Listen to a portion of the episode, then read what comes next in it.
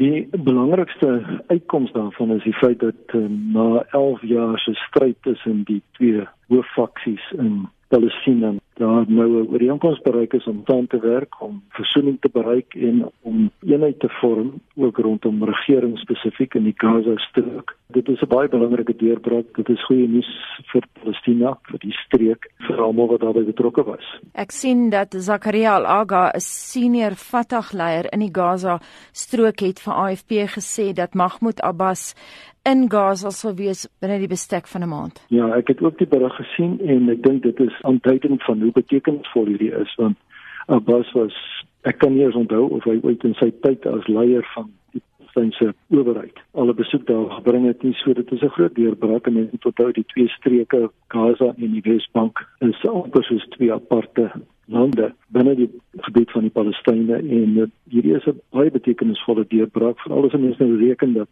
Hamas het beheer gehad oor Gaza vir die afgelope 11 jaar en natuurlik die Fatah geleide Palestynse owerheid in die Wesbank het die het in daar geneem. Ek dink vrede as 'n mens praat van vrede in die streek is die uitkoms hiervan betekenisvol as volhoubaar is. Dan kan die Palestynë ten minste as 'n eenheid verder ding met Israel. Israel gaan nie noodwendig dadelik inskikkelik wees nie want uit die jaar van die saak word Hamas nog steeds nie erken deur hulle nie ook deur groot dele van die internasionale gemeenskap word Hamas nie erken nie.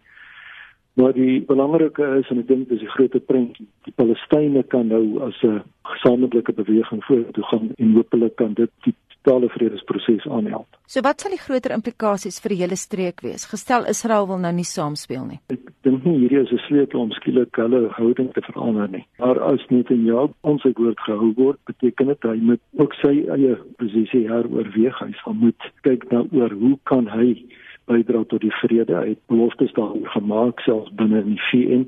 Dit beteken dat daar druk op hom uitbeoefen word. En, uh, ek sou reken dat die Egiptenare het in hulle hantering en inisiatief wat hulle geneem het oor die afgelope paar weke en maande, het hulle hierdie faktore alles verdiskonteer. Ons weet dat president Sisi van Egipte spesifiek na die VN toe gegaan het met die voorlopige ooreenkoms in die hand en uh, ek dink daarmee by sy eie posisie baie versterk in die streek maar ook binne die internasionale gemeenskap. Ons weet dat die Amerikaners sou graag die vriendskap wil behou van die Egiptenare en hierdie is alles faktore wat binne daardie totale raamwerk 'n rol speel. Die nuus is goed maar wat ek dadelik by sê daar is ook groot vrae rondom die implementering van hierdie ooreenkoms alles is nie van welsprekend nie daar is uh, fynere detail en allerlei aspekte wat van groot belang is. Hamas het byvoorbeeld na bewering 'n gewapende mag van omtrent 40000 kan mens maar sê soldate en uh,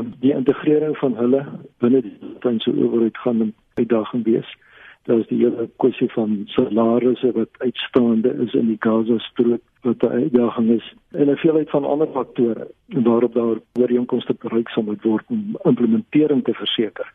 So alles is nie noodwendig uh, uit die weg geruim wat die verskille aanbetref nie, maar ek dink uit ons eie ervaring ook uh, dit is 'n stap vir stap proses en ons moet dit ondersteun sover ons kan. Wat is die grootste hakplek tussen Fatah en Hamas? Uh, mense sal sê die oorsprong daarvan is ideologies. Dit was waarskynlik ook baie sterk so in die uh, beginstadiums oor die loop van tyd het die ideologiese verskille verminder maar dit is seker sekerlik nog steeds aanwesig. Daar's mense wat sal sê Hamas is baie nader aan die Muslim Brotherhood en Fatah meer kom ons sê uit 'n meer liberale siening. Maar die realiteit is die verskille het oor tyd dink ek minder geword en daar kon hierdie ooreenkomste ook nou bereik word. 'n baie belangrike faktor is die feit dat uh, die lewensomstandighede, die sosio-ekonomiese omstandighede in die Gaza-strook is baie haglik. Hamas kon as dit daar nie op hulle eie voortgaan om daai verantwoordelikheid te dra nie. As gevolg van die oor die aankoms uh, word die grens uh, na Egipte oopgestel. Daar is wat dit dan betref groter hoop om beter lewensomstandighede vir die mense in die Gaza-strook te skep. Roep soos wat jy reg gesê het, die Egiptenare behoort krediet te kry. Ek sien beide kante het hulle rol geprys. Ons weet Egipte se rol strek terug na 2011 toe, maar die Suid-Afrikaners, julle het ook 'n rol gespeel as Suid-Afrikaanse span daar. Wat was julle rol? Wel ek dink daar's baie pogings aangewend in die laaste jaar of twee om die twee groepe bymekaar te kry. Daar was pogings gewees van Turkye se kant af, daar was pogings van Rusland se kant af Ek was onlangs by 'n aandete in die Wesbank waar die ambassadeurs van al drie hierdie lande, met ander woorde Rusland, Turkye en Egipte, om die tafel gesit het en elkeen kon hulle deel vertel van wat hulle bydra was om hierdie proses te bespoedig om dit aan te help. En by die aard van die saak Suid-Afrika het ook sy rol gespeel en nou moet ek sê baie wye erkenning daarvan ook om daai gesprek om die tafel gewees die aand vir die feit dat ons dan geslaag het om reeds verlede jaar by twee geleenthede in April en Julie verteenwoordigers van beide groepe Hamas en Fatah hier in Suid-Afrika geseer te speel. Ons het hulle bymekaar gehad in beide gevalle vir 'n week lank elk en uh, dit was veral by die tweede geleentheid was dit die eerste keer dat so hoë vlak groep van beide kante saam in dieselfde vertrek gesit het vir 5 dae.